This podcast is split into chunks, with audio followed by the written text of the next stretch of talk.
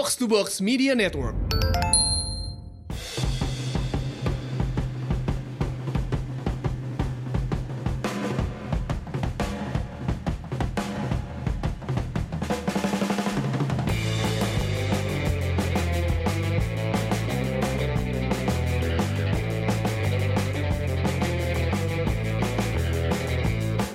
Selamat datang kembali di podcast Umpan Tarik episode 124 bersama saya Aun Rahman dan rekan saya.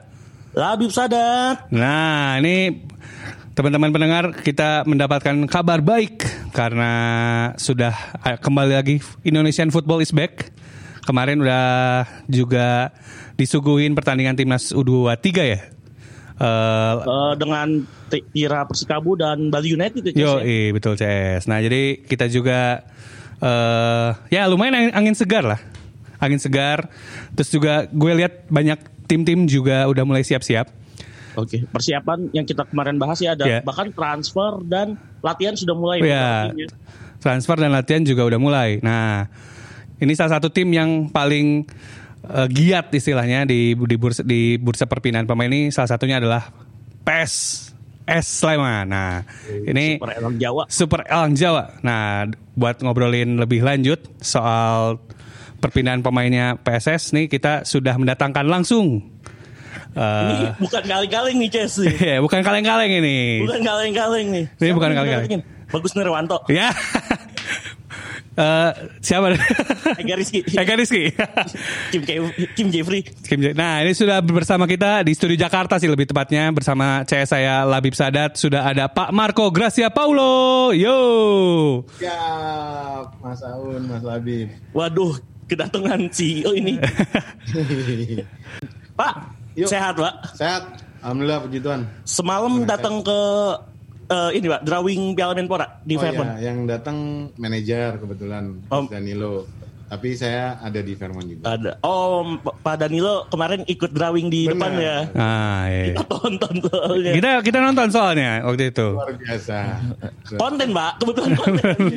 Tapi sebelumnya sorry Mas Aun, Mas Labib, Su- supaya clear namanya PS Sleman. Nah, nah, Iya, PSS atau PS Sleman. PS. nah, ini Nggak juga Emang waktu itu pernah kita ngobrol sama Sleman Football juga. Benar. Mas Labib, jangan PSS Sleman. PS Sleman Betul. atau enggak PSS aja. Betul. Kita lagi bikin kampanye juga supaya orang karena memang ini eh, dulu nggak dikomunikasikan dengan baik, jadi Oke. makanya terjadi miskomunikasi lah. Iya. Waktu itu juga pernah Barito Putra pernah bilang PS Barito namanya. Betul, betul. kalau boleh nanya nih Pak Marco sekalian kebetulan saya pengen nanya banget.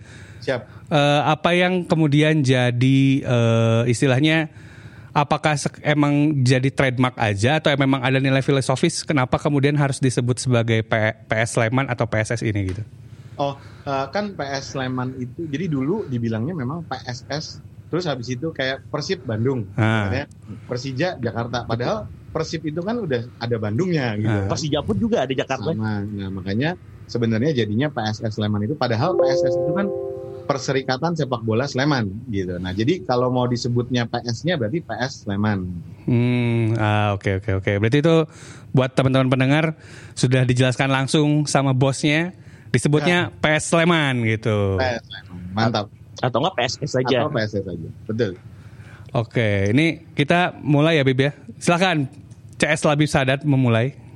Oke nih kita eh, langsung aja nih ya kita ke pokoknya ya CS ya. Yoi. Pak Marco nih. eh, Pak kita tahu nih sebelum Piala Menpora eh, dunia jagat maya sempat geger nih dengan bursa aktivitas transfer dari PS Sleman. Siap. Luar biasa kedatangan 8 pemain baru pada awalnya Ya, terus akhirnya jadi tujuh. jadi tujuh. Iya. Kita tahu lah. Iya. Ya pemain itu akhirnya siapa dan ke mana. Pak, eh, apa eh, visi apa sih Pak mm, mendatangkan para pemain-pemain tersebut Pak? Yes.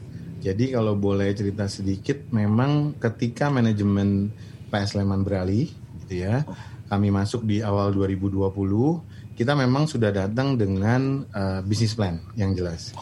Nah, karena biar bagaimanapun pendekatan kami manajemen baru ini eh, dari shareholder, shareholder yang baru juga adalah memang kita pendekatannya eh, klub sepak bola seutuhnya. Gitu klub sepak bola yang eh, kadang-kadang kan kita suka tabu bahwa klub sepak bola jangan bisnis gitu. Loh apalagi eh, alasannya kalau kita bikin klub sepak bola, kita invest uang kalau bukan bisnis gitu. Tetapi we we want to do the business in the right way gitu. Jadi maksudnya apa? Ya memang pendekatannya harus eh, industrial approach. Maksudnya sepak bola eh, klub sepak bola yang dimanage oleh sebuah perusahaan, sebuah PT yang mana adalah badan hukum eh, apa profitable pastinya gitu ya untuk mencari profit. Nah, eh, bagaimana kita bisa melakukan? Tapi lebih daripada itu, nilai yang mau dibangun itu juga harus seiring dengan bisnis yang dibangun. Karena sejatinya kalau bisnisnya dibangun tanpa nilainya juga nggak akan sustain bisnisnya gitu. Jadi kita mau bangun dari dua aspek itu, aspek value dari klubnya sendiri sebagai sebuah entitas keolahragaan, tetapi juga harus dibarengi dengan support dari uh, perusahaan sebagai entitas uh, bisnis, Betul. gitu ya. Karena hanya dengan dua cara itu beriringan bersama, maka uh, klub ini akan sustain dan bukan hanya akan juara, tapi akan melahirkan uh, legacy. Oke, adanya kayak warisan nantinya atau Yes. apa ya bisa dibilang Yes. seperti itulah. Betul. Nah kalau jawab sedikit tadi, sorry, jadinya memang kita salah satu bagian dari bisnis plan adalah eh, kita jangka menengah dulu deh, gitu ya. Kita share bahwa jangka menengahnya 2022 kita mau IPO, 2023 kita mau juara, gitu. Eh, ini juga wah terkesan provokatif gitu kan. Wah Pak Marco ngomong-ngomong doang ntar ya. Tapi kita bukan bilang juara harga mati. Bukan itu. Tetapi juara itu menjadi target dari organisasi. Karena apa? Organisasi mau jalan sehari-hari kalau nggak ada target itu buat apa? Gitu kan. Tapi yang lebih utama memang bukan soal target jadi juaranya, tapi dan juara jangan salah. It's not about uh, being winner, tapi being champion. Karena being champion, champion itu bukan uh, Sekedar ngangkat piala ya, Pak. Yes, uh, champion itu bukan uh, apa, bukan status. Champion itu adalah aktivitas. Champion itu adalah value.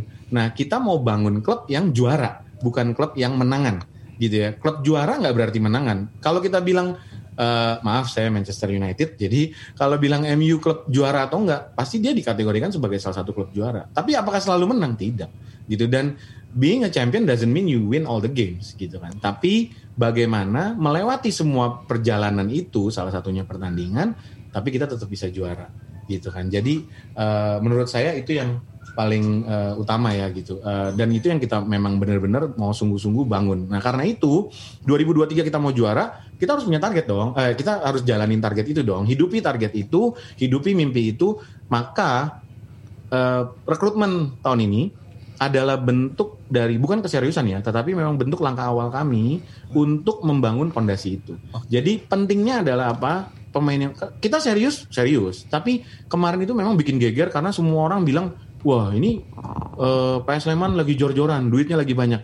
Percayalah teman-teman, kalau kemarin kita baru eh, rapat eh, report kepada BOD mengenai eh, proses transfer kita di musim ini dan eh, kita sangat satisfied karena bukan hanya kita dapat pemain terbaik tetapi kita dapat pemain terbaik di harga yang terbaik. Oke. Karena apa? Kita udah punya strateginya kemarin karena kita tahu eh, semua lagi pada senyap, semua lagi sepi, kita masuk duluan. Jadi memang ini kan saya bilangnya nyelam gitu kan ya kalau di sosmed. Memang kita nyelam dan kita dapat ikan-ikan yang terbaik dengan harga yang terbaik lah kira-kira gitu. Berhasil mengintip peluang dan mendapatkan peluang itu. Yes, betul. Luar biasa berarti. Ini Pip baru pertanyaan pertama gue udah impress sama Pak Marco ini.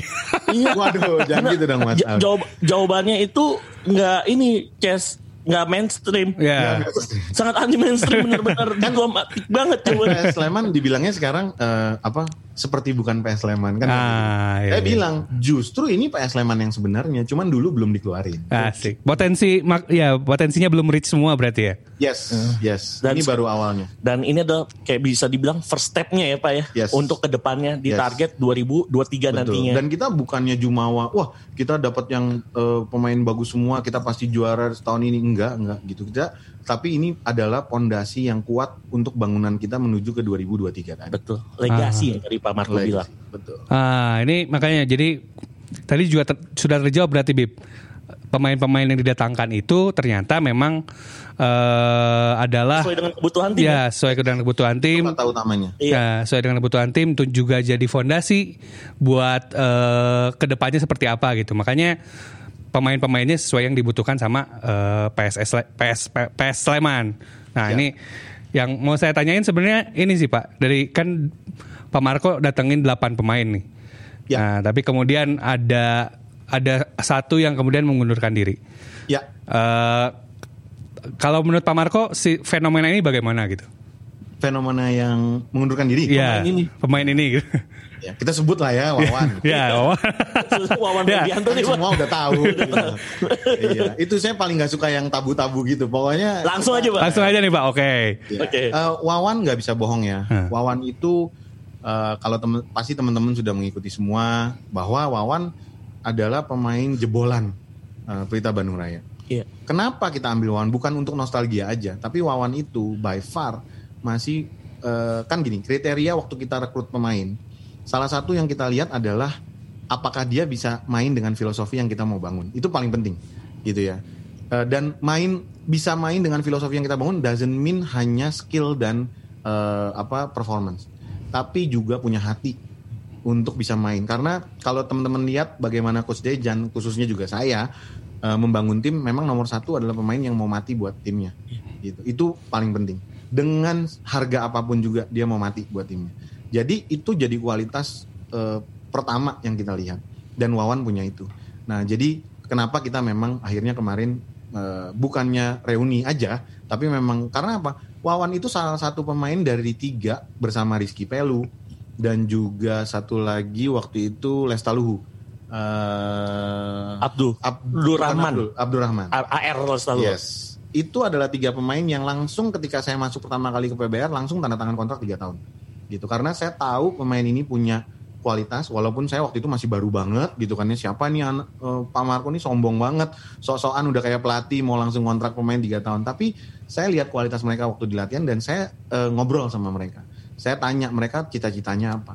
Nah saya kasih jalan karena sejatinya klub kan harus jadi eh, kendaraan untuk pemain-pemain yang memang mau punya cita-cita, yang mau kerja serius dan mereka di tangan Dejan luar biasa. Makanya saya yakin langsung tanda tangan kita tiga tahun. Dan hasilnya waktu itu luar biasa ya Pak. Betul, PBR 2014. Heeh. Kita peringkat empat loh. empat besar. Empat besar tidak dimainkan. Sorry, bukan peringkat empat benar. Empat besar karena tidak dimainkan kan Iya, laganya. heeh. Dan kami yakin kalau waktu itu dimainkan kami pasti menang. Gitu.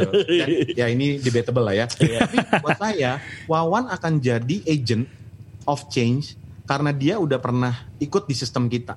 Dia udah tahu bagaimana Dejan main. Dan saya eh, memang membangun waktu itu di PBR salah satunya walaupun kami berdarah-darah nggak ada uang dari setengah musim gitu ya. Tapi kami dapat eh, empat besar.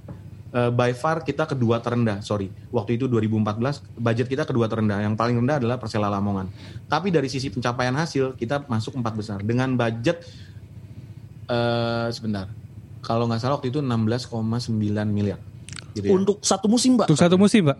budget pemain kami itu 6 miliar rupiah Pemainnya. Sisanya 2000. operasional ya Pak. sisanya operasional Luar Nah itu yang kita bawa ke Sleman. Makanya kalau semua meragukan bahwa wah Pak Marco jor-joran nih apa enggak, percayalah komposisi eh, karena waktu itu PBR dapat best practice budget tahun 2014. Eh, walaupun tidak diumumkan resmi, tapi waktu rapat managers meeting eh, closing dari season Pak Joko menyampaikan bahwa eh, Pelita Bandung Raya mendapatkan best practice budget 2014. Jadi kenapa best practice budget? Karena waktu di eh, telaah eh, komposisi keuangannya kita itu eh, hanya 48% eh, budget pemain kita dari total budget gitu ya. Jadi kan sorry, kok 48%, 38% malah kalau nggak salah. Karena eh, 6M dari 17M lah kira-kira gitu. Iya, sekitar iya. segitu. Jadi eh, karena apa? Waktu itu waktu mau mulai PBR saya waktu diajak untuk bergabung, saya presentasi dulu. Saya bilang, "Bapak cocok nggak nih sama visi saya?" Karena kalau buat saya, Pak, kalau saya gabung ke klub dari PSSI, saya mau nggak mau kaleng-kalengan nih, saya mau serius. Saya punya visi, Bapak kasih nggak saya untuk eh, merealisasikan visi ini? Dan Bapak setuju nggak sama visi saya? Ternyata eh, owner setuju dan owner sampai bilang, "Oke, kita dukung, kamu jalanin aja gitu." Dan kita benar-benar jalanin. Jadi belanjanya kita, makanya saya bilang sebelum itu kan Moneyball itu eh, setelah 2014 atau sebelum ya? Setelah kalau nggak salah deh. Jadi eh, saya kalaupun memang udah tapi saya nggak nonton Moneyball waktu itu gitu ya. Tapi saya memang punya konsep bahwa gini saya percaya standar gaji pemain di Indonesia itu udah bubbling. Gitu ya karena apa? Nggak ada standarnya. Kita kalau bilang si X si A dapat angka X dasarnya apa? Cuman dua. Satu gaji sebelumnya di klub sebelumnya gitu kan? Atau Label timnas. eh, label timnas misalnya ya label-label lain yang mengikuti. Akhirnya jadi punya angka itu gitu kan. Tapi kalau kita bilang sebenarnya cara ngukur gaji pemain gimana sih? Kan gitu kan. Nah, itu yang saya dari dulu misi utama saya adalah kita harus punya nih cara ukur. Dan ibaratnya kalau kita bangun eh, apa namanya restoran, kita harus punya resep kan. Betul. Eh, menu eh, katakanlah steak deh gitu ya. Menu steak di mana-mana mungkin restoran banyak ada. Tapi kenapa restoran steak yang terkenal pasti kekuatannya adanya di mana? Di resep. Ya kan? Keunikan resepnya dan memang resep itu harus berhasil. Karena kalau resepnya unik tapi kalau pena- eh, pe- pe- pengunjung nggak suka ya nggak jadi gitu kan. Sama yang kita bangun di industri sepak bola adalah resep meracik eh, tim di klub sepak bola gitu kan. Itu baru satu bagiannya. Belum ngomongin eh, resep bisnis, belum ngomongin resep eh, yang lainnya gitu. Jadi, nah ini salah satu bagian yang menurut saya kalau kita bilang mau membangun klub secara utuh, ya memang harus eh, pakai resep itu. Nah, kita lagi bangun. Jadi kita di PS Sleman pun sekarang lagi bangun bagaimana eh, memformulasikan data untuk bisa dikonjungsikan dengan eh, harganya pemain. Nah, tapi saat ini kesulitan di Indonesia apa? Data, ya kan? Saya nyari datanya kalau Kim Jeffrey enak udah lima tahun main di Persib, Udah ketahuan, ada, ya udah kan? ketahuan. Tapi kalau pemain yang baru muncul, contohnya di akademinya nggak ada, gitu. Atau dari pemain maaf dari klub lain yang eh, tapi di klubnya juga nggak pakai data, nggak bisa. Makanya tahun ini kita eh, komit di PS Sleman semua harus ada datanya pemain kita. Contohnya apa?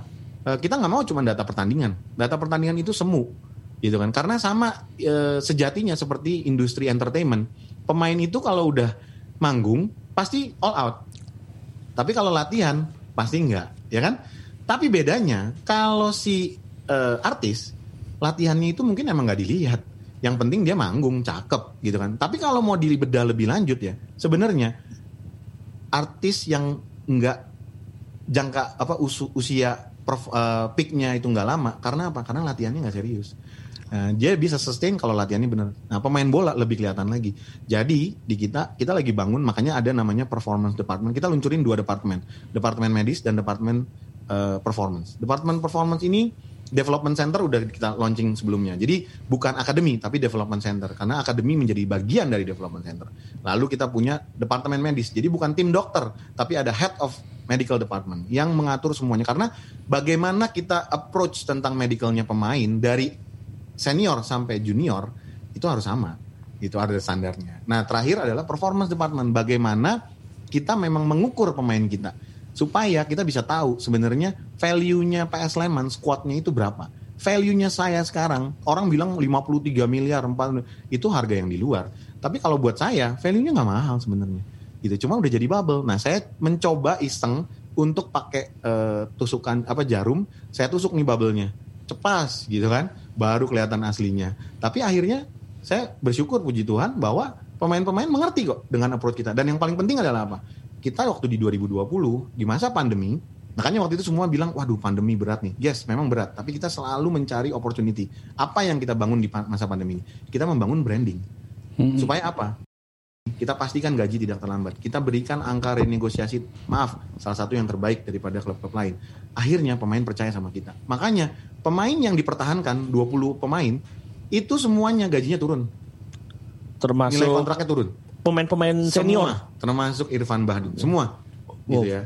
Pasti Irfan marah nih sama saya karena saya ngomong gini. Tapi memang itu kenyataannya. Kenapa? Karena nggak mungkin. Kita kan pandemi pertama. Kedua, waktu mereka kita nggak ada pertandingan, kita komit kok. Kita kasih uang yang seharusnya kita bisa pakai buat yang lain. Tapi nggak bisa karena kita udah jaga komposisi itu. Karena pemain adalah aset utama kita. Gitu kan jangan sampai mereka mati. Gitu. Maksudnya berdarah-darah boleh, tapi jangan sampai mereka mati. Akhirnya nggak bisa jadi pemain bola lagi. Gitu kan kita jagain. Dan mereka adalah aset kita untuk keberlanjutannya klub ini juga. Makanya kita jagain. Karena itu mereka mulai ngomong lah ke semua eh, pemain lain kan. Hmm. PS Sleman mantep nih. PS Sleman. Begitu kita nego kemarin di saat semua lagi senyap, saya masuk kepada pemain-pemain yang labelnya bintang tadi, semua udah percaya sama PS Sleman. Dan maaf, memang semua tahu waktu saya di Badak pun dan sekarang di sini mereka tahu pasti kalau ada saya gaji itu nggak mungkin terlambat gitu tapi saya bersyukur punya tim yang luar biasa punya direktur keuangan direktur operasional yang semuanya luar biasa dan kita benar-benar bisa berjalan dengan sistem Gimana Jess? sorry nih pertanyaan eh jawabannya jadi melebar ke mana Gak apa-apa. Gak apa-apa. Gak apa-apa. Justru ya. gak apa-apa justru. Ini apa banyak enlightenment lah. supaya saya diundang lagi gitu Iya juga. Dan maksudnya ini eh, buat saya pribadi enlightenment banget nih CS Labib. Maksudnya luar biasa. luar biasa banyak apa ada banyak visi yang pengen dicapai sama Pak Marco terus juga tadi yang soal medical dan juga performance department kebetulan Develop- waktu Departemen ya Pak Iya. tadi. Ada development center. development Center, center sempat apa ya sempat ngerjain model yang mirip juga kebetulan saya di di buat yang performance departemen buat eh, sebuah klub di Indonesia juga kebetulan Wih, mantap. Nah, Berarti bisa ngobrol nih. waktu itu kebetulan cuman ngerjain opo ini aja pak eh, opposition eh, report Report. buat Ya. pelatihnya waktu itu Yes. Nah, Jadi kita sekarang semua pemain mas Hah? yang eh, latihan setiap latihan itu semua direkod. Dan Ah, semua iya, iya, iya. Makanya ini nanti manjang lagi nih mas. Eh, kalau boleh sedikit ya, Hah? itu akan berhubungan ke bonus. Sistem bonus kita tahun ini belum, tahun depan kita akan praktekkan. Eh, sistem bonus kita win bonus itu akan jauh lebih kecil drop turunnya. Kenapa? Karena win bonus juga sama semu. Kita bukan cari menangnya, kita maunya underlying performance mereka yang naik gitu. Karena sejatinya kita juga ada eh, kan pemain aset kita. Kalau mereka berkembang dan akhirnya bisa nilai kontraknya lebih dan dilirik klub lain, kita juga bisa punya eh, apa namanya eh, pemasukan dari situ Transfer ya Pak. transfer ya kan itu nggak bisa bohong itu ada apalagi nanti di akademi tapi makanya kita harus lihat underlying performance mereka seperti apa. Bukan cuma soal ngegol apa. Bonus gol bonus apa itu akan jadi lebih kecil. Yang lebih besar adalah namanya performance bonus. Dan performance bonus itu kita lagi formulasikan saat ini dengan performance department kita untuk membuat formulasinya bagaimana menilai performance seseorang seorang pemain naik enggak skornya berapa. Kalau skornya segini dapat bonusnya berapa. Dan itu bonus bonus eh, apa eh, performance nilainya bisa sampai dua kali eh, dari nilai gaji. gajinya mereka oh. Dua tiga kali jadi itu jauh lebih besar. Dan harusnya pemain memang lebih tertarik itu Hmm. daripada cuman ngegol dan nggak apa-apa lo nggak ngegol. Tapi buat gua yang penting lo di latihan serius lo eh, performance-nya naik. Kalau lo nggak naik lo balik ke pelatih fisik atau ke pelatih ke head of performance lo tanya masalah saya apa nih? PR-nya apa? Solusinya apa? Habis itu lo kerjain lagi. Udah. Hidup harusnya kehidupan di klub itu kan seperti itu. Ya. bukan cuma nunggu pertandingan terus menang atau tidak. Berarti adanya progres dari satu pertandingan Exactly. satu latihan ke latihan Exactly. berikutnya. dan setiap pemain dinilai dari pemain itu sendiri Iya. bukan di compare dengan pemain lain Win-win solution banget itu Pak. Exactly. Karena kita perlu dia untuk progres di sini. oke Oke, Pak Marco nih. Siap. Tadi Pak Marco bilang first time di PBR Yes. dengan beberapa pemain. Yes. Salah satu rekrutannya Pak Marco adalah Kim Jeffrey Yes. yang Pak Marco tahu kualitasnya dari Pelita Bandung kan. Betul. Pak, menurut Pak Marco bagaimana secara keseluruhan atribut yang dimiliki Kim Jeffrey, hingga akhirnya Pak Marco merekrutnya dia kembali di PSS Sleman. Ya, jadi Kim Jeffrey itu eh, sama seperti Wawan. Ini adalah produk suksesnya PBR waktu itu. Kenapa? Karena Kim Jeffrey itu masuk dengan status diragukan, gitu ya. Waktu itu. Oleh publik tentunya. Bukan hanya oleh publik, bahkan dirinya sendiri pun meragukan. Gitu. Kim waktu itu datang dengan confidence yang sangat rendah, gitu waktu itu. Tapi di Polres Dejan dijagain dengan manajemen yang juga baik, akhirnya Kim Jeffrey jadi. Dan habis itu PBR-nya bermasalah dan akhirnya dijual.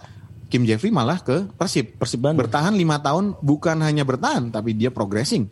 Dia jadi pemain yang salah satu pemain yang bisa dibilang backbone-nya Persib, timnya Persib. Waktu itu saya ingat banget Dejan bilang, "Kim, eh, apa namanya? eh, kita mau kasih kamu kesempatan. Tapi kamu berhasil atau enggak cuma ada di kamu. Kita nggak bisa nggak bisa jamin itu. Cuman ada di kamu. Saya cuma bisa kasih kesempatan kamu di tim. Saya kasih kamu perlakuan yang yang bahaya adalah banyak pelatih yang nggak berani meresikokan diri kan. nah iya sepakat Banyak kan pelatih kan pasti gini. Mendingan gue cari yang ready. nah Itu yang saya lihat kualitasnya dari Dejan. Dia bukan tipe pelatih yang oh saya maunya pemain bintang nggak ada.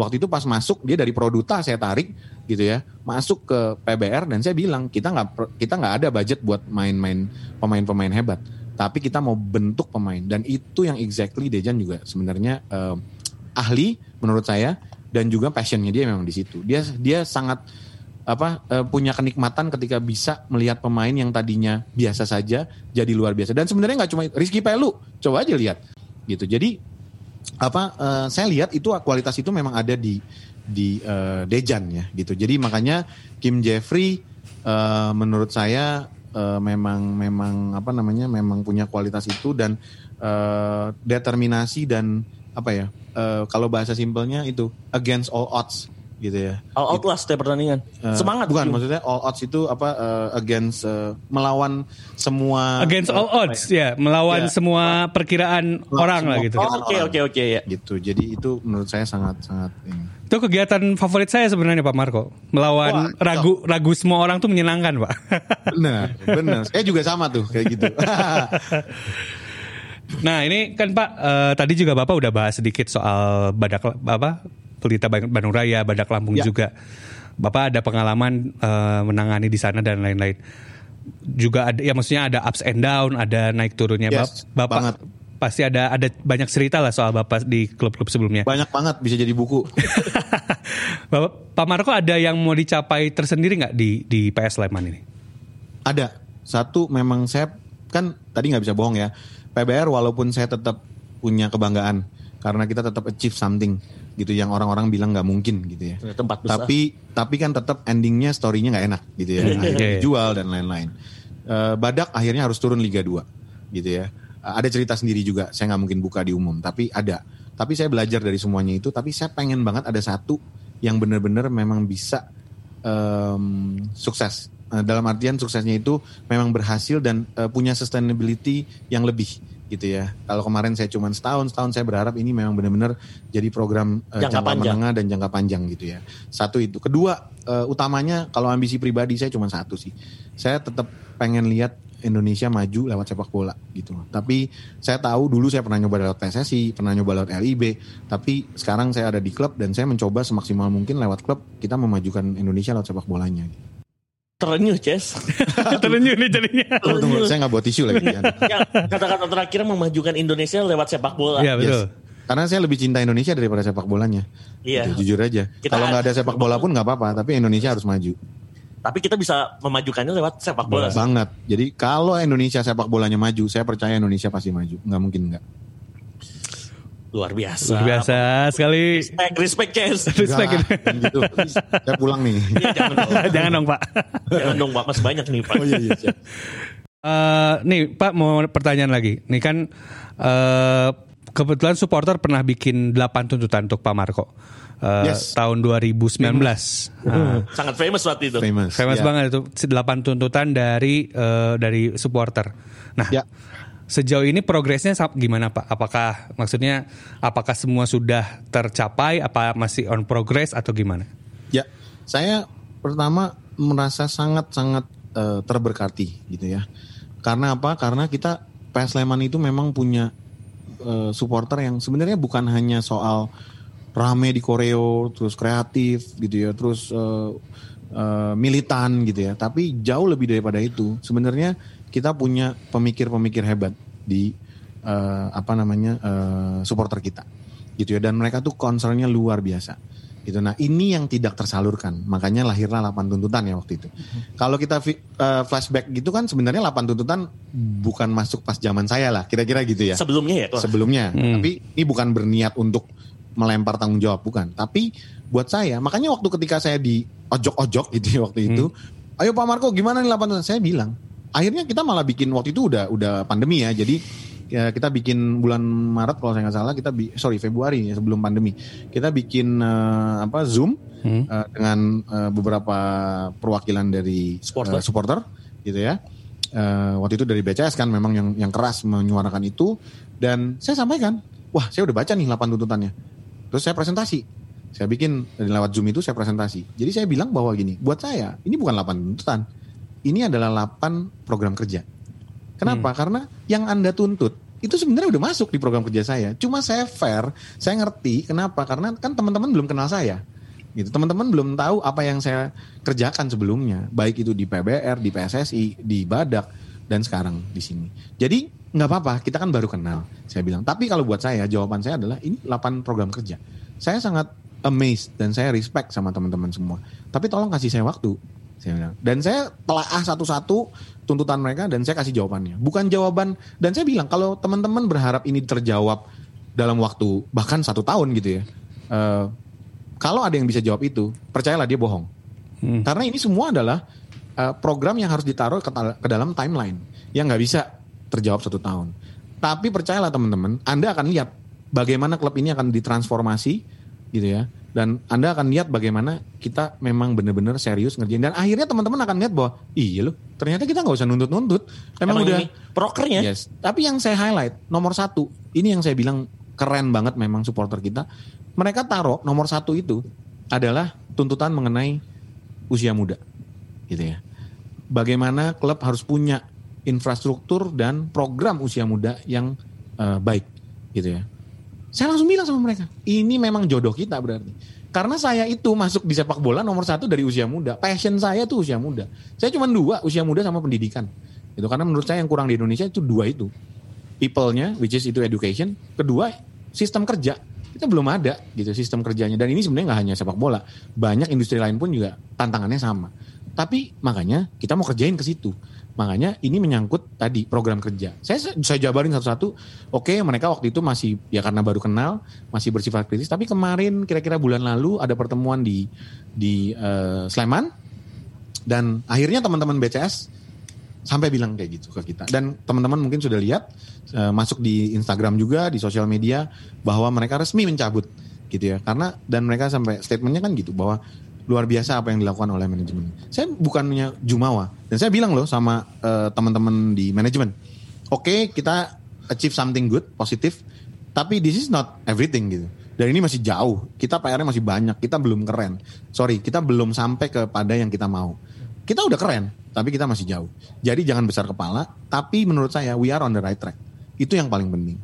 Nah jadi akhirnya teman-teman bisa melihat bahwa kita memang serius dan itu kalau saya makanya bilang waktu itu, saya bilang gini, e, teman-teman sabar, saya kan baru masuk, ini kita juga terus nggak lama pandemi, sabar. Tapi kita udah buatin bisnis plan-nya. Nanti kalau teman-teman lihat apa yang kita jalankan dari bisnis plan tersebut, percayalah 8 tuntutan itu memang benar-benar apa ya, e, nggak menjadi me, apa menjadi sebuah uh, tuntutan. Makanya saya bilang bikin judulnya waktu itu PR kita yang sebenarnya adalah bagaimana mengawal ini dari sebuah tuntutan menjadi sebuah program kerja dan pada akhirnya menjadi sebuah culture.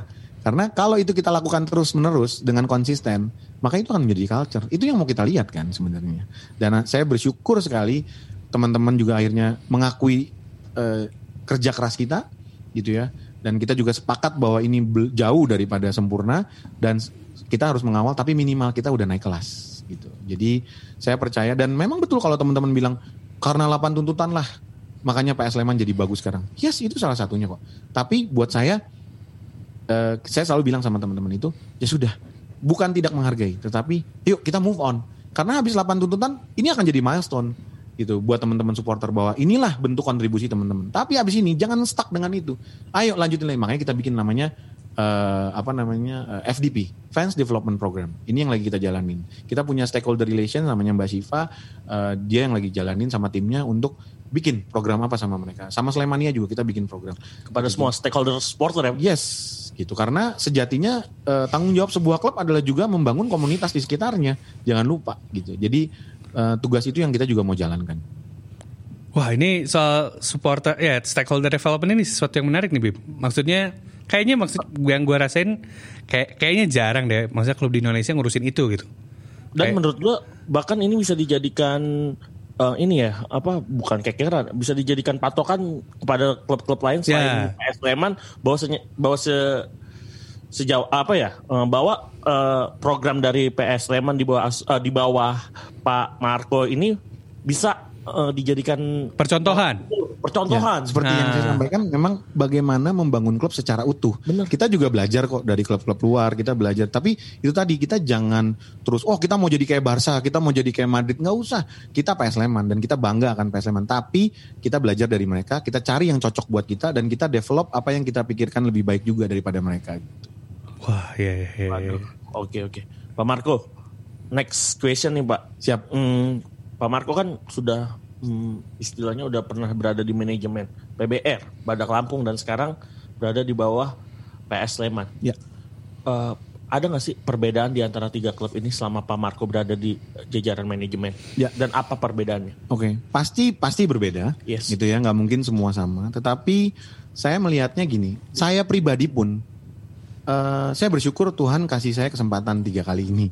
Kenapa? Karena saya juga semakin dewasa waktu awal saya masih sangat muda ya. Waktu itu saya tahun 2014 berarti 17 tambah 14 31 tahun. Saat di PBR. Ya. Benar ya 31 ya? Iya benar, 31 tahun. Jadi eh, 31 tahun di PBR itu masih sangat muda. Eh, saya belajar tapi memang secara mental pun gitu ya. Wah, kalau saya eh, pertandingan gitu ya. Wah, saya masih yang emosi, masih Wah, ada cerita-cerita banyak juga tuh yang nanti masuk ke buku saya kan, yang saya dipukul lah dan segala macam.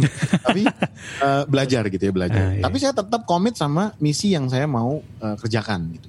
Nah, lalu berikutnya ke PSSI, lalu berikutnya ke eh, sorry kalau klub ya ke mana Badak gitu ya. Sama saya lanjutkan. Makanya saya bilang waktu saya masuk PS Sleman pertama kali, saya sampaikan bahwa ke teman-teman manajemen, Anda jangan sombong, mungkin Anda udah lebih lama ya. Tapi kalau saya bawa manajemennya Badak Lampung ke sini, Anda ngobrol soal bola, Anda kerja atau kerjain aja gitu ya. Saya kasih kerja eh, sat- dua-dua project gitu ya. Saya masih percaya manajemen Badak Lampung akan lebih cepat kerjanya daripada teman-teman. Kenapa? Karena saya udah setahun sama mereka. Dan memang yang saya bangun, waktu itu saya fokus bukan ke tim dulu, saya fokus ke manajemen dulu. Karena paling penting adalah manajemennya dulu. Karena manajemen yang akan jadi urat nadinya, yang akan jadi tulang punggungnya klub. Pemain datang dan pergi. Tetapi klub itu tetap yang ngurus itu yang paling penting gitu. Jadi saya fokus kepada situnya. Dan buat saya, kayak saya bilang, di mana pun saya berada, saya pengen menularkan sebanyak mungkin ke Indonesia. Jadi kalau saya di Lampung ya saya tularin buat Lampung. Saya sekarang di Sleman, saya tularin buat Sleman gitu. Jadi eh, perbedaannya adalah masing-masing punya eh, hambatan yang berbeda-beda. Waktu itu di PBR hambatannya lebih ke finansial, Yes. gitu ya. Waktu di Badak Lampung eh, hambatannya memang lebih ke eh, ini ya apa namanya teknikal waktu itu. Dan waktu eh, sekarang Sleman itu tantangannya bisa dibilang yang paling berat karena tantangannya eh, mix antara semuanya gitu ya. Ditambah dengan memang fans yang sangat kritis, gitu itu kan menjadi tantangan yang luar biasa. Tapi itu tadi saya juga istri saya bilang sama saya, kok kamu kayaknya tenang banget ya. Eh, soalnya teman-temanku tuh semua ngelihat waktu awal-awal saya masuk eh, ke Sleman gitu ya, sampai wah kan semua juga masih sangat bahasa yang paling gampang ini.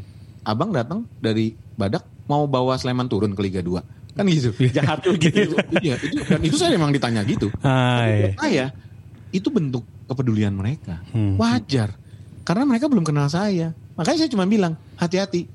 Nanti kalian jatuh cinta sama saya gitu. Karena ya biasanya mohon maaf, yang udah-udah begitu gitu loh. Jadi dan saya memang harus buktikan dengan kerja. nggak boleh. Kita percuma ngomong apa pun. Saya cuma minta waktu. Dan saya bersyukur Tuhan kasih saya kesempatan. Dan yang paling penting, saya nggak sendirian. PS Sleman tuh bukan Marco, bukan PS Marco. Gitu. Saya selalu bilang, saya memang otaknya mungkin eh, idenya ada di saya. Tapi otak itu nggak bisa jalan sendirian. Gitu. Yang saya sangat bersyukur PS Sleman punya orang-orang yang luar biasa di dalam di dalam manajemen. Dan saya merasa ini lengkap banget gitu. Ini yang mungkin by far udah lengkap dan lebih mature ya orang-orangnya. Jadi eh, bener-bener bisa kelihatan cepat impactnya gitu. Bagaimana waktu bursa transfer kemarin cepat dan saya tipenya memang bukan leadership saya bukan leadership yang one man show. Saya paling nggak percaya sama itu. Jadi saya selalu kerja dengan tim gitu. Jadi kita di PS Sleman dulu di Badak pun juga eh, PBR belum ya karena saya masih belajar.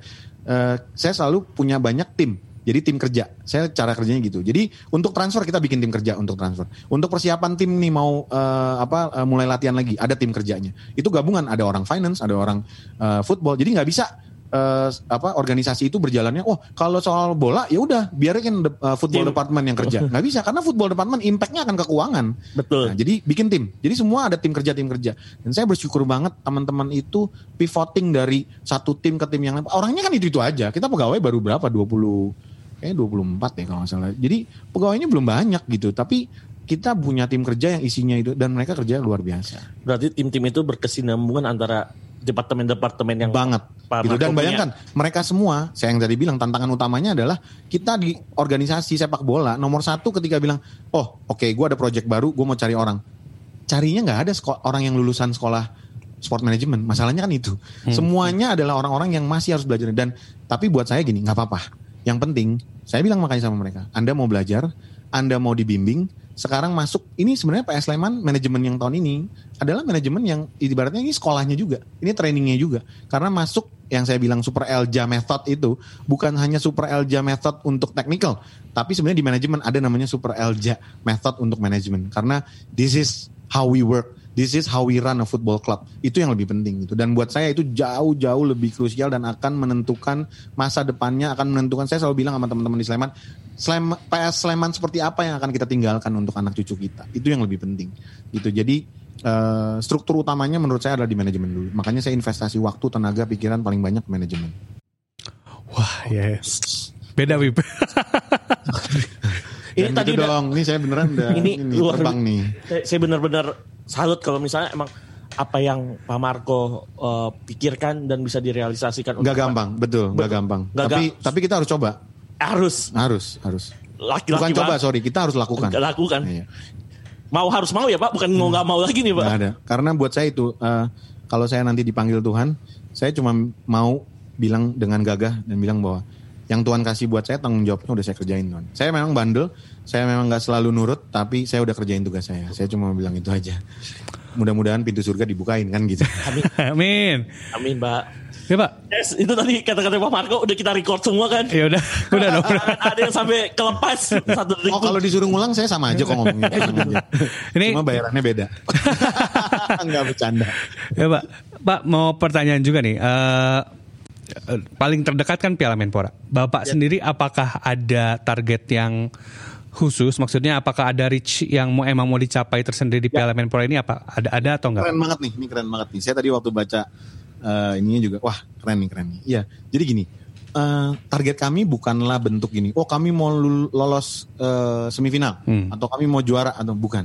Bukannya kita menyepelekan ini, bukan. Tapi kita harus ngerti bahwa mem karena gini Piala Menpora ini saya cukup senang juga karena waktu pertemuan dengan eh, clubs owners meeting waktu itu ya eh, saya menyiapkan satu presentasi khusus eh, dan diberikan waktu oleh PT LIB dan PSSI waktu itu saya mempresentasikan eh, waktu itu mau memutuskan status kompetisi 2020. Nah saya bikin ada tiga eh, apa tiga bagian utama.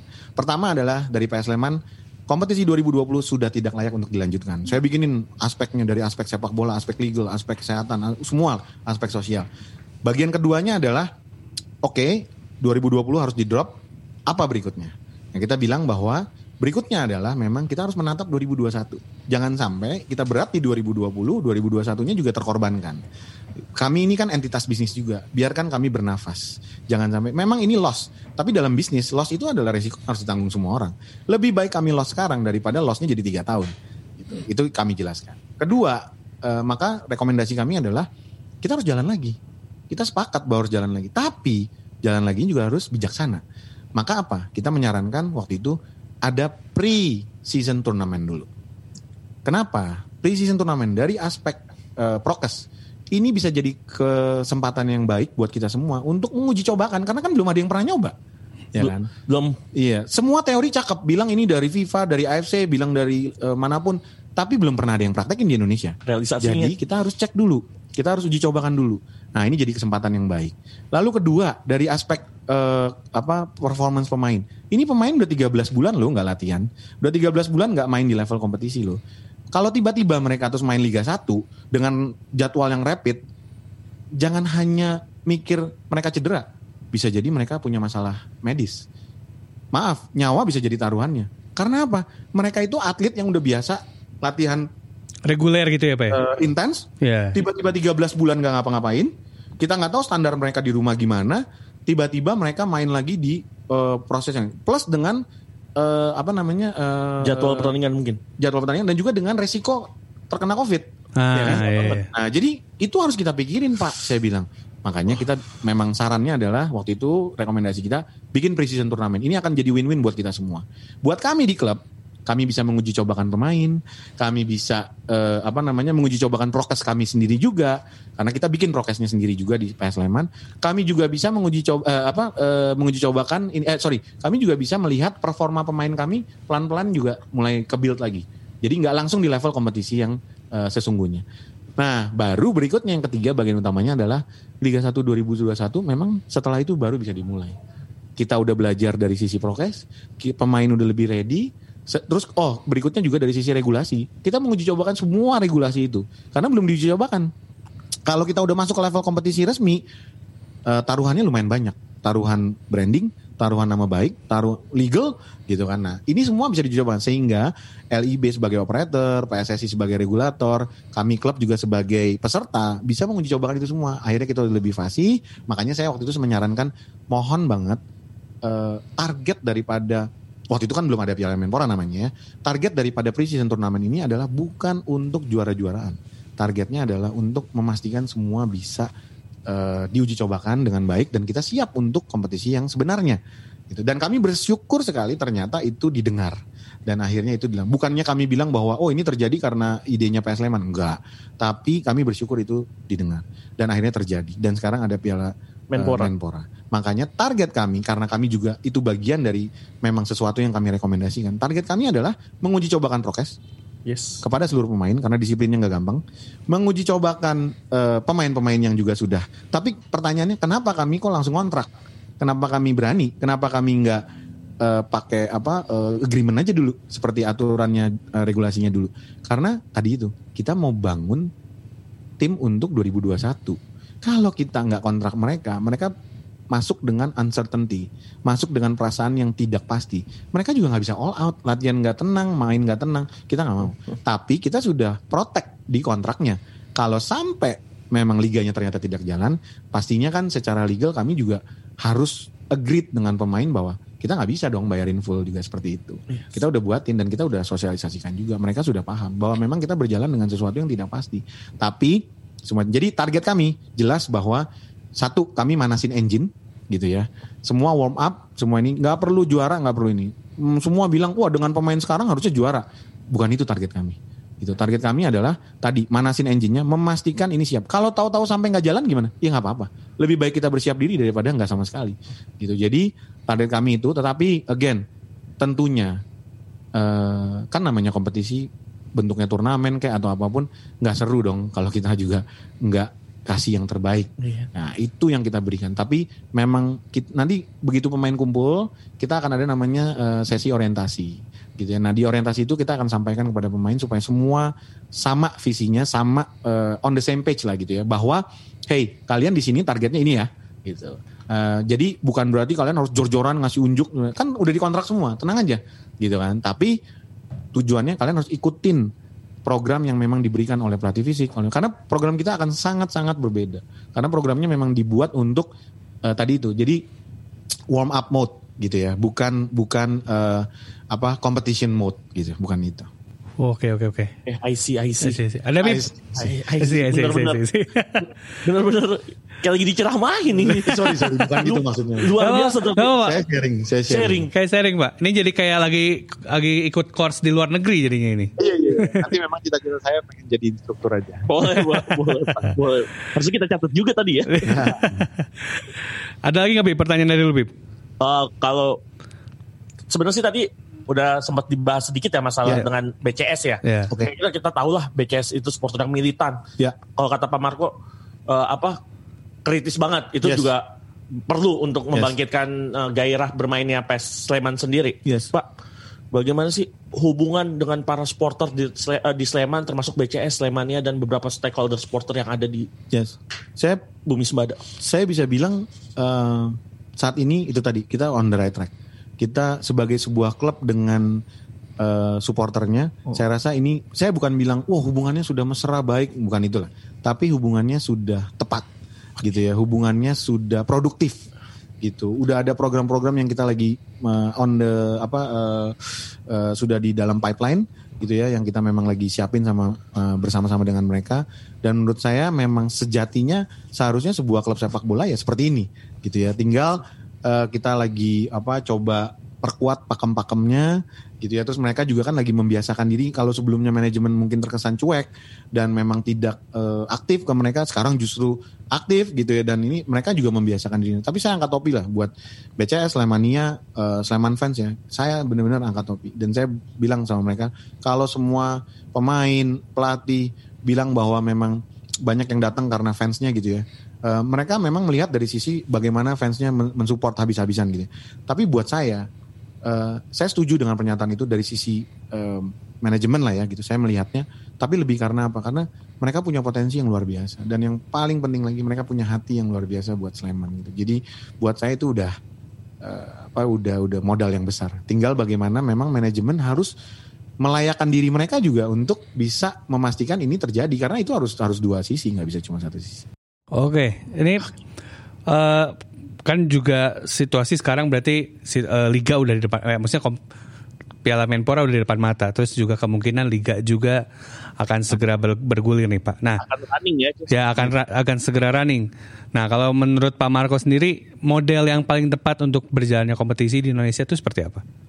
Terutama mengingat kita lagi pandemi gitu, Pak. Betul. Makanya tadi eh, yang saya sampaikan bahwa ini ini ini balik kepada pertanya- eh, pernyataan saya waktu eh, clubs owner meeting itu ya, Hmm. Gitu, bahwa memang dalam menyiasati bagaimana sepak bola mau memulai kembali, karena kan kita Hmm. juga harus meyakinkan stakeholders kita, baik itu pemerintah khususnya, terus juga kepada apa supporter gitu ya, kepada fans, kepada eh, business entities gitu kayak eh, sponsor gitu ya, Nah. partners kan dan bukan hanya dari sisi LIB dan PSSI tapi juga dari sisi klub gitu kan ya eh, partners-partners dari klub, sponsors dari klub. Ya memang menurut saya format yang paling ideal untuk jangka pendek ini adalah seperti itu tadi. Jadi ada turnamen pemanasan, lalu habis ini ada eh, apa Liga satunya dan Liga satunya kan most likely akan dijalankan berarti eh, mem- jadi kalendernya berubah ya. Ya. Jadi eh, European calendar kan gitu Iya. ya. Which is buat saya gini kan banyak yang mendebatkan itu. Buat saya gini loh. Buat saya sih sebenarnya gini, ini liga-liga kita gitu ya. Buat saya dan kita ini kan terkenal gotong royong dan musyawarah dan mufakat. Buat saya gini, nggak usah pikirin orang ngomong apa. Yang penting eh, kita tahu yang paling baik buat kita seperti apa. Nah, buat saya tadi ini sebelum dari sini saya lagi terlibat pembicaraan menarik dengan salah satu anak muda yang potensial juga dan terlibat di eh, olahraga juga gitu ya. Eh, saya bilang gitu bahwa menurut saya PR yang paling besar nih saat ini eh, ibaratnya kalau ini Avengers gitu ya. Sebenarnya udah ngumpul nih orang-orang kerennya. Tapi yang paling utama tadi yang kalau balik ke pertanyaan pernyataan saya juga eh, setelah people nomor dua adalah sistem kerja. Hmm. Nah, sama. Jadi yang paling penting bagaimana seluruh stakeholders sepak bola kalau dalam hal ini sebenarnya on the same page. Kita Ah. sepakat dulu. Karena saya bilang menganalogikannya dengan eh, ojol gitu ya. Saya filosofinya ojol. Ojol tuh gini. Kalau kita mau pesan ojol, nomor satu yang kita buka apa? Sistem. Oke, sistem kita aplikasi. buka kan aplikasinya. Waktu kita buka pertama kali yang di yang dia cari apa dulu? Fitur. Bukan. Dari aplikasinya kira-kira apa yang dia cari? Kita buka nih ya aplikasi ojolnya. Tet, pertama kali page-nya waktu kita mau mesen apa dulu? Tujuan. Tujuan. Sebelum tujuan. Search something. Sebelum tujuan. Posisi kitanya juga. Yes, dia pasti akan buka posisi kita dulu kan. Ah, iya. Kalau internet kita bermasalah dia akan kasih tahu kan. Woi, Ah. gue nggak bisa cari tahu nih lu ada di mana. Bener gak? Ya, ya, ya, ya. Itu udah dapat, baru kita dapat apa? Habis itu kita tentuin apa? Tujuan kan. Tujuan. Nah, Habis tujuan terus keluar apa? keluar drivernya berarti. drivernya Driver, di mana, harganya biaya. berapa, Iya. kan? Sama. Menurut saya as simple as that. Kita harus sama-sama. Nah, cuma masalahnya gini, selama ini stakeholdersnya punya definisi yang berbeda tentang ini. Nah, kita harus samain dulu. Samain, kita sepakatin dulu, bukan samain. Sepakatin dulu nih. Kita ada di mana sekarang? Sepak bola kita ada di mana? Kita ketinggalan berapa puluh tahun, oke lah. Tapi kita ada di mana sekarang? Itu penting dulu. Dan harus jujur. Jangan dibuat-buat. Makanya saya bilang tadi, kalau pakai aplikasi yang jujur, dia akan bilang, bos gue nggak bisa baca nih aplikasi lu di mana Ya, harus jujur dulu kita ada di mana kedua kita tentukan dulu sepakati dulu kita mau ke mana jangka panjang jangka pendek jangka menengah tentuin dulu sama-sama nggak usah bilang mana yang benar mana yang salah deh tapi harus belajar harus benchmarking ya, harus punya filosofi. Tapi abis itu sepakat dulu karena kita semua punya teori semua bikin webinar semua bikin podcast tapi nggak ada yang sepakat. Buat apa? Gitu sepakatin dulu. Habis sepakat keluarkan habis ini effortnya apa? Biayanya berapa? Jalanin Iya kan? Kalau jalanin percaya nggak kalau anda lakukan itu anda sampai nggak ke tujuan? Sampai, Pak. sampai. Di mana pun tujuan anda mau ke Brazil pun kalau anda pakai ojol kalau anda memang benar-benar serius ngerjain anda pasti nyampe jadi buat saya itu rumus bos. Itu rumus. Kita cuma perlu percaya lakukan bener-bener habis itu setia. Gitu. Ya. dan kalau nggak nyampe kita tinggal benerin lagi kok. Kalau anda tiba-tiba jalan tahu-tahu ada macet ada apa anda muter anda akan tetap asal anda benar-benar masukin tujuan yang benar nah pertanyaannya gini kalau supirnya sama anda tujuannya beda kan jadi masalah. Bener gak Hmm. tujuannya samain dulu posisi kitanya juga samain dulu habis itu keluar effortnya setia dong sama itu saya cuma mau berusaha bersama-sama dengan tim di PS Sleman berusaha menjalankan itu dan kita bisa kasih contoh ada klub Indonesia yang bisa dibangun dengan utuh dan profesional itu aja. Luar biasa. Luar biasa sekali. Amazing. Ada Kalau saya nyebutnya ini football orgasm. asik. Football orgasm kan ya, Bib? Aun, ini kita dengerin dari tadi obrolan da- dengan Pak Marco tuh kayak, sepak bola tuh is more than 90 minutes. Oh jelas, of course. Selalu itu kalau itu selalu. More than 90 Beyond minutes. than just 90 minutes. Iya, di luar batas ini beyond. Nah, luar biasa. Nih ada yang lo mau tanyain lagi nggak ke Pak Marco Bib? Apa ya? gue sih sebenarnya dari semuanya apa yang kita tanya tuh udah dijawab semua Iya sebenarnya. betul. Bener-bener. Menurut apa? eh, kayak target jangka pendek, panjang, menengah, bahkan eh, Menpora Cup mendatangkan pemain-pemain ini bukan sekedar mendatangkan buat hura-hura di media sosial doang. Ternyata di situ ada apa yang gue butuhin, filosofi dan kebutuhan tim sendiri. Yes. Itu sih yang paling penting kalau gue gue dan gue udah kejawab banget dengan obrolan kita sore hari ini. Oh iya, sama gue juga banyak banyak banget insight ya soal tadi Pak Marco ternyata punya plan eh, jangka panjangnya sampai 2023. Soal di di PS Sleman ternyata ada performance departemennya juga, ada medical departemen dan lain-lain. Ada banyak hal-hal yang justru kayaknya kita jarang lihat juga nih Bib di tim-tim lain di Indonesia gitu. Kita dengar. Iya. Makanya kalau boleh Mas Aun, eh, Mas Habib, ya itu ini tidak mudah. Yang saya ngomong ini semua kan kelihatannya wah keren ini itu, tapi tidak mudah. Tapi kami komit mau jalan. Makanya kami butuh support dari sebanyak mungkin eh, stakeholders juga, termasuk Mas Aun dan Mas Labib. Ya mudah-mudahan dan buat saya ini memang bentuk kontribusi kami kepada sepak bola Indonesia. Karena kalau biasanya kan gitu kan, ah kalau belum ada yang nyampe ke garis itu orang mikirnya ah nggak mungkin bisa lah nggak mungkin. Begitu ada yang nyampe, baru orang percaya. Nah, iya. Itu kan namanya frontier. Jadi Frontier ya. iya. kita mau mau jadi itu kita mau mengorbankan segala apa pun itu untuk sana dan mudah-mudahan ini jadi kontribusi terbesarnya PS Sleman untuk sepak bola Indonesia gitu jadi tapi tentunya itu tadi jangan lihat oh, apa em, manisnya dan ininya nanti pasti ada masalah jadi jangan sampai saya selalu bilang itu sama teman-teman manajemen jangan sampai anda terbuai dengan ini kayak kemarin yang proses transfer saya langsung keluarin statement lagi bahwa oke udah dong teman-teman euforianya yes mereka pemain-pemain bagus makanya kita mau ambil tapi PR-nya itu masih banyak bagaimana meramu mereka itu another part lagi gitu. Jadi jangan dibesar-besarkan pemainnya juga nggak bagus buat pemainnya. Nanti mereka nggak fokus gitu. Jadi udah cukup.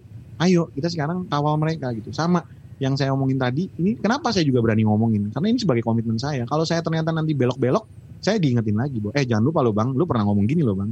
Gitu. Itu bentuk komitmen saya. Nah saya berharap ini memang jadi eh, mungkin dari semua yang kita ngomong, saya nggak tahu dalam masa hidup saya ya. Mungkin kalau bisa dapat 60-70 persennya aja gitu saya udah bahagia dan saya bilang saya siap dipanggil kalau udah kayak gitu.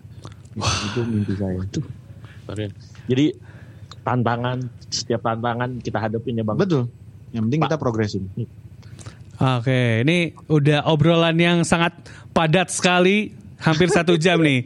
Dan menelaah banget ini. Nih, menelaah banget nih. Kalau diundang malah biasanya di stop memang gitu bang kelamaan bang gitu. Ya, kalau di ini semua materi benar-benar diambil deh Pak Marco Iya. nih. sorry Ini Luar biasa tapi emang kita ya eh, apa eh, applause buat Pak Marco dengan eh, apa eh, plan-plannya untuk PSS Sleman ke depannya. again the the credit and the glory is not mine gitu tapi ini eh, apa buat saya datang sini kan sebagai PS Sleman dan saya memang mau sampaikan bahwa eh, apa ini bukannya gimmick gitu ya tapi memang saya bersyukur sekali gitu saya punya tim yang luar biasa eh, dan dan saya percaya eh, we can make this happen gitu dan dan ini akan jadi hadiah buat buat sepak bola Indonesia.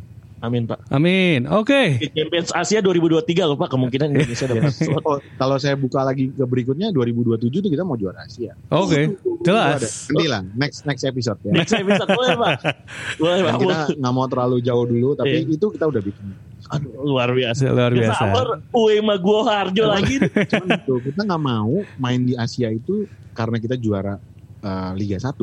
Kita maunya kita main di Asia, ya juara Liga 1 itu syaratnya dong. Iya. Tapi Betul. kita mau memang harus siap main di Asia. Jangan terus habis itu jadi bulan-bulanan misalnya. Eh, Nggak mau. Dan kita memang mau berarti kalau klubnya udah main di Asia, timnya udah main di Asia, Asia. berarti manajemennya juga harus udah levelnya itu. Gitu. Jadi itu Ah, kayak iya, itu iya. nggak- Betul Pak. itu another story.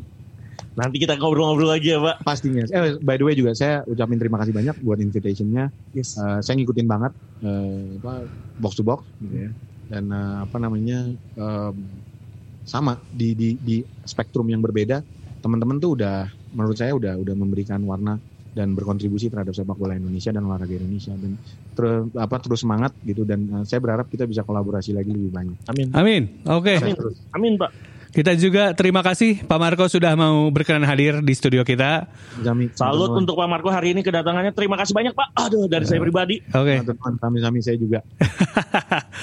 Oke, Bib, kayaknya cukup dulu ya untuk episode kali ini ya. Gue bener-bener ini sepak bener-bener terenyuh obrolan. Siap. Siap. Oke, eh, lagi-lagi terima kasih Pak Marco untuk kesediaannya. Nih untuk episode kali ini bisa kalian dengerin di pemutar podcast eh, favorit kalian, Andalan kalian. di andalan kalian. Kalau misalnya udah dengerin bisa share di Twitter, di Instagram, di Instagram Story dan juga medsos-medsos lainnya. Oke, sekian dulu untuk episode kali ini. Saya Aun Rahman pamit. Saya Labib Sadat pamit. Oke, assalamualaikum warahmatullahi wabarakatuh. Bye. Bye.